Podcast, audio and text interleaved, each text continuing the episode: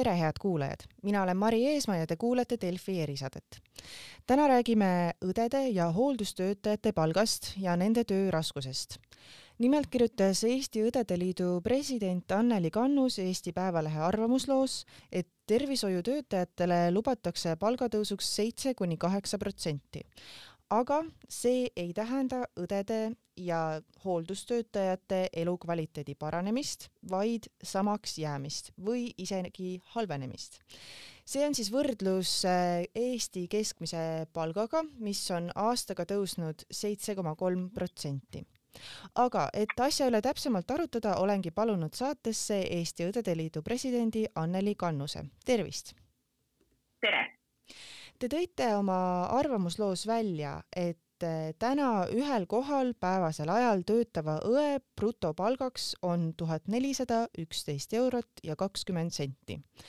samas vaadates äh, varasemaid andmeid, siis äh, küündib õdede keskmine palk tuhande seitsmesaja euro ringi, mis on ju tegelikult kõrgem kui Eesti keskmine palk, mis on praegu tuhat viissada kolmkümmend kaheksa eurot. palun selgitage, kust tuleb siis selline erinevus? Väga sageli võetakse palgastatistikasse kõikvõimalikud lisatasud, mida siis on võimalik ühel ametikohal teenida.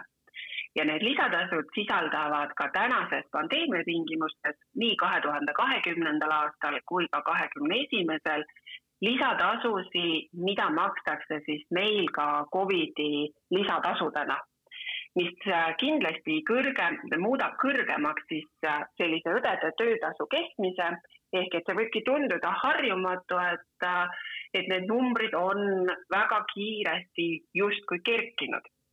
reaalpalgas tähendab aga meie seitsme-kaheksa protsendine palgatõus järgmisel aastal seda, et hooldustöötajad saavad juurde nelikümmend viis senti tunnis ja õed kuuskümmend viis senti tunnis mis omakorda annab tegelikult äh, palgatõusu nendele inimestele suurema, kes töötavad tõesti haiglates, teevad öövahetusi, töötavad Covid osakondades ja teevad intensiivsema koormusega tööd näiteks intensiivravi osakondades, intensiivravipalatites.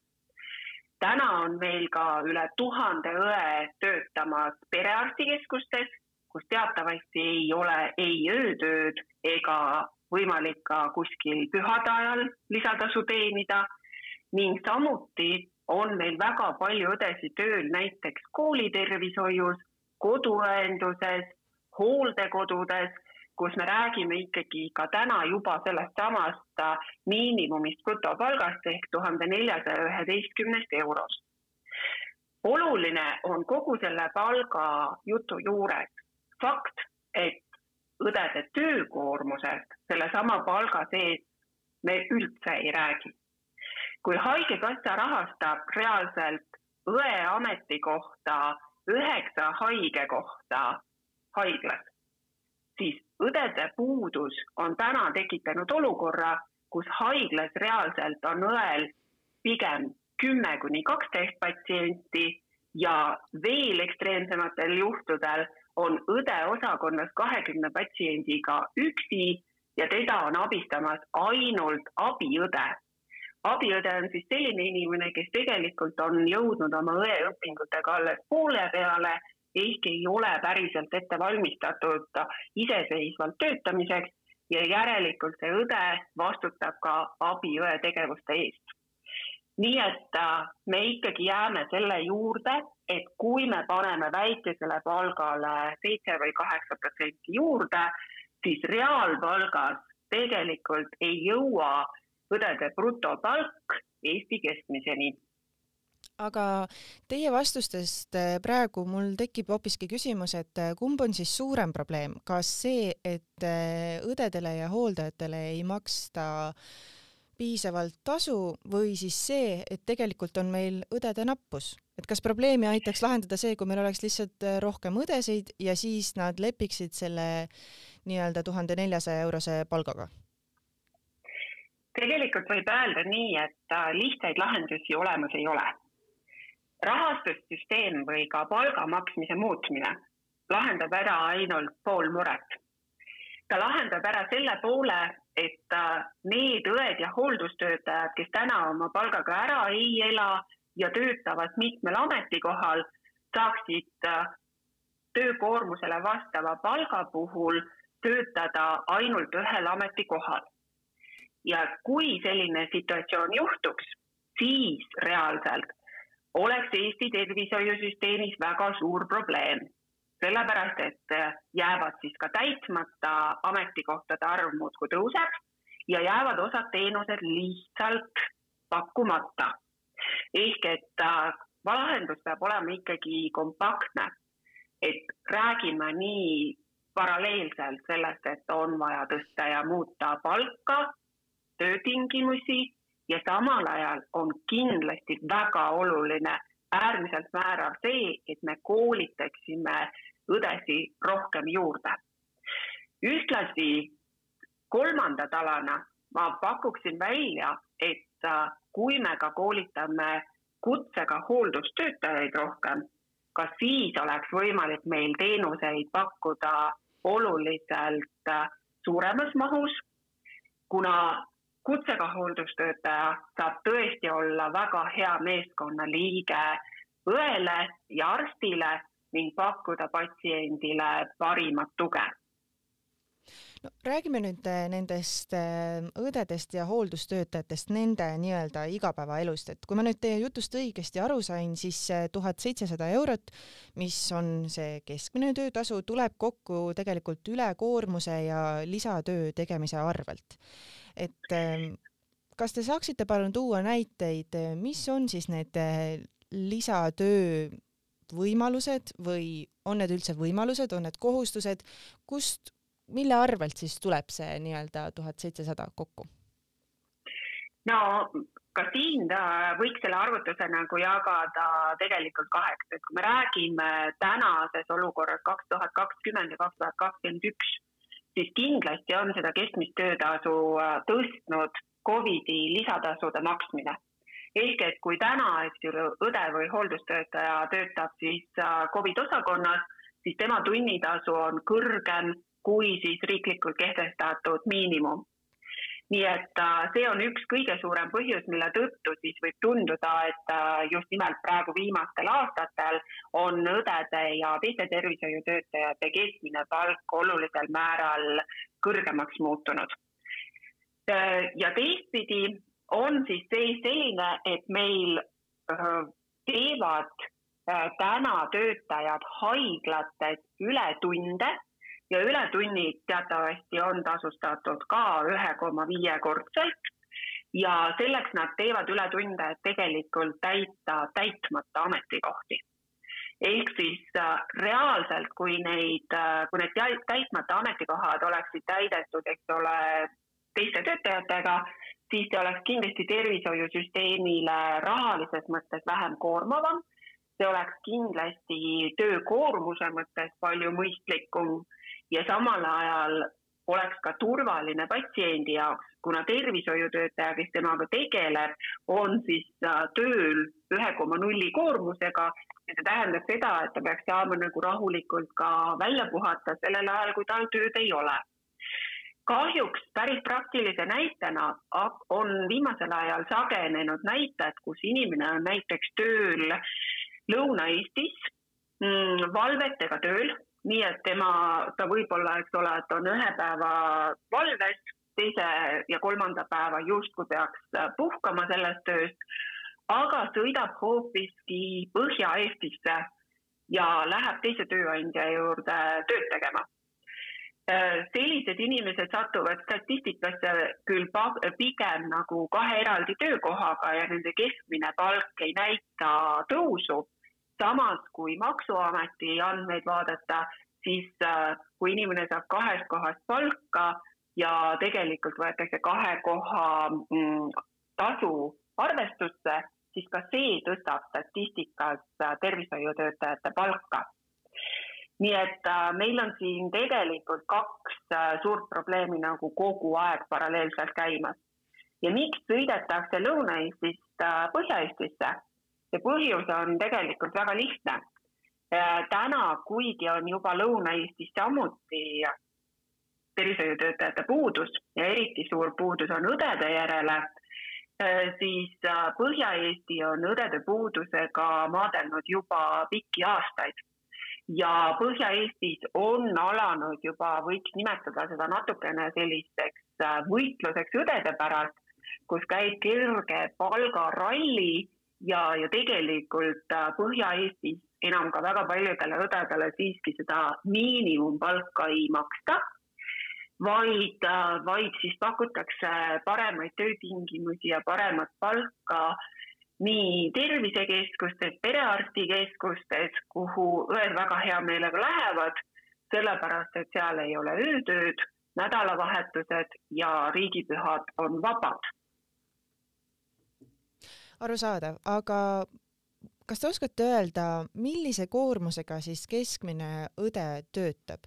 et eh, te küll rääkisite siin just nendest õdedest, eh, kes eh, lähevad tervisekeskustesse, kohtadesse, kus ei pea tegema üldiselt neid ületunde, aga kas keskmisest tuleb kuidagi välja, et keskmine õde töötab suurema koormusega kui mm, üks koma null siis? Äh, noh, praegusel momendil on niimoodi, et meil on äh, mõne aasta tagused äh, Tervise Arengu Instituudi andmed, mis näitavad, et tegelikult umbes kolmandik õdesi töötab rohkem kui täiskohaga. viimase paari kuu praktika näitab seda, et meil on meie enda liikmete tagasiside alusel siis teada et, et nelikümmend protsenti ja pisut rohkem õdedest on töötanud, eks ole, selle aasta jooksul siis äh, ülekoormusega ehk siis teinud esimeses järjekorras ületunde oma asutustes.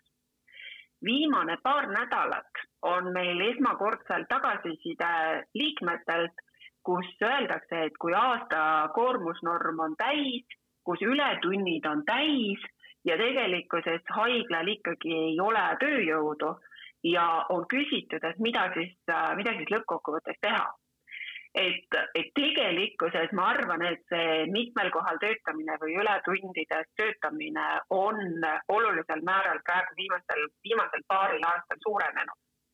ja seda ei saa ainult seletada Covidiga ja sellega, et on nüüd vaja, eks ole, siis pandeemias õdesi juurde vaid tegelikkuses on õdede poolt pakutavad teenused järjest laienenud ja õdedele on ka pandud järjest rohkem ülesandeid. et kõige lihtsam näide siin on just nimelt perearstid, kes alles paar aastat tagasi said õiguse võtta siis üks perearst tööle ühe pereõe asemel hoopiski kaks pereõde täna oleme me situatsioonis, kus osad perearstid või tervisekeskused soovivad võtta ühe arsti kohta tööle kolm õde. täpselt samamoodi hakkas Haigekassa rahastama eelmisest aastast alates õe ametikohta hooldekodudes, mis tähendab omakorda, et osad õed, kes seal varem töötasid, said nüüd lihtsalt teistsugused lepingud, aga ligikaudu pooltel hooldu, hooldekodudel õdesid tööl seni ei olnud. nii et osad õed suundusid ka hooldekodudesse tööle ja samamoodi oleme me ju Eestis viimase kümnendi jooksul äh, siiranud siis õed kooliõdedeks ehk meil kooliarstide asemel ei ole enam, eks ole, tööl keegi muu kui ainult õde ja kiirabi on õdede õlul ning täpselt samamoodi on laienenud oluliselt koduõendusteenuse pakkumine. ehk siis äh, ei saa öelda ainult, et tööd on juurde tulnud haiglates, vaid lihtsalt õdede tegevusvaldkond on olulisel määral laienenud. no ja ma küsin nüüd siis äh, lõpetuseks, et aga mida siis äh, õed ja hooldustöötajad soovivad, millise palga ja millise koormusega on nad nõus leppima? Äh, nii nagu ma enne ütlesin, et äh, kuna lahendused ei ole lihtsad ja lahendusteks on ikkagi sellised komplekssed lahendused, et mitu asja tuleks nagu korraga lahendada, siis äh, õed ja hooldustöötajad tegelikult ootavad väga seda, et kehtestataks ka sellised koormusnormid, millest on võimalik kinni pidada ja, ja mis siis reguleeriks, et kui palju patsiente ikkagi reaalselt õel või hooldustöötajal oleks normaalne teenindada, siis loomulikult palgaküsimus on olnud päevakorras juba mitu aastat ja täna ikkagi me ütleme selgelt, et see palga ja töökoormuse suhe ei ole paika saanud. Ja vaadates ka tänast majanduskasvu, siis ikkagi see kahe tuhande kahekümnendal aastal välja pakutud äh, kümme eurot tunnist oleks tänasel päeval täielik miinimum. ja täpselt samamoodi ka kutsega hooldustöötajatel, kellel siis nüüd äh, palganumber tõuseb viie-seitsmekümne peale, et me tegelikult räägime, et, et oleks pidanud tõusma juba sellel aastal kuus viiekümne peale, et siis oleksime me jõudnud enam-vähem sinna kohta, et me saaksime öelda, et meil on õdedel Eesti keskmine kuupalk ja et kutsega hooldustöötajate palk tuleb siis õepalgast rohkem kui kuuskümmend protsenti kas ma sain nüüd teist äh, õigesti aru, et äh, õdede palk võiks olla siis äh, samasugune nagu Eesti keskmine palk ehk siis natuke üle tuhande viiesaja euro? kas see oleks see, millega võiks rahul olla? ma ei saaks öelda, et sellega võiks rahul olla, aga see oleks nagu kõva samm edasi. et, et me räägime tegelikult sellest, et äh, ka on aastaid kokku lepitud, et tervishoiutöötajate palgakasv peaks olema äh, väikese sammuga eespool tegelikult Eesti keskmisest palgakasvust ja kui meil täna on äh, Eesti keskmine palgakasv on seitse koma kolm siis seitse-kaheksa protsenti tervishoius ei ole väike samm rohkem. et tegelikkuses peaks meie palgakasv olema siis võrreldes majanduskasvus äh, teiste palkade tõusuga üheksa või kümme protsenti. Aga et äh, me ei saa öelda kunagi, et vot see summa on nüüd see, mis nüüd äh, on õige ja õiglane kui me samal ajal tegelikult ei lahenda ära õdede puuduse, õdede töökoormuse probleemi. ehk et äh, kui me tõstame palka ja tõesti mõned inimesed tänu sellele ei tööta enam mitmel kohal, siis me tegelikult oleme jännis sellega, et meil ei ole inimesi, kes pakuksid tervishoiuteenust. kui me tegelikult äh, vastupidi ainult normi-, normeeriksime ära selle, et kui mitu patsienti õe kohta oleks normaalne, siis võib täpselt samamoodi juhtuda, et tegelikult meil ei ole ka maksta raha, meil ei ole ka inimesi, kes ära teeksid selle ületöö, mis tekib siis sellise normeerimisega. Nii et me peame tegelikkuses ikkagi lahendama kompleksselt kolm asja korraga. raha, töötingimused, õdede juurdekasv ja põhimõtteliselt me peaksime ümber struktureerima ka kogu tervishoiusüsteemi rahastamise ja vastutuse piirid tervishoiusüsteemi sees. ja päris lõpetuseks äh, küsin nüüd, et äh, päästjad juba käisid Toompeal meelt avaldamas, et väljendada oma rahulolematust äh, palga teemal. mida Õdede Liit plaanib teha? õed on inimesed, kes tegelikult kõige viimasena muretsevad iseenda eest. ehk praegu, kui patsientide tulv haiglasse taas jälle kasvab, püütakse anda ennast endiselt maksimum, et kõik patsiendid saaksid äh, abi. See tähendab seda, et meie esmavalik ei ole kunagi esimesena minna Toompeale või streikida. samas ei ole täna Õdede Liit seda teemat maha matnud ja kuna palgaläbirääkimiste tsükkel, uus tsükkel hakkab juba jaanuaris kakskümmend kaks, siis äh, meil on täpselt kolm kuud veel aega, et otsustada, kas äh, tuleb ka selle aja jooksul juba hoiatusstreik või annab Sotsiaalministeerium, tööandjad meile lootust koostööks, kokkulepeteks ja alustame me siis jaanuarist kaks tuhat kakskümmend kaks uute palgaläbirääkimistega. No selge, aitäh, Anneli Kannus, et äh, aitasite teemat natuke rohkem äh, lahti mõtestada, head kuulajad, selline saigi tänane Delfi erisaade, nagu öeldud, saates oli Eesti Õdede Liidu president Anneli Kannus. aitäh, et kuulasite ja kuulmiseni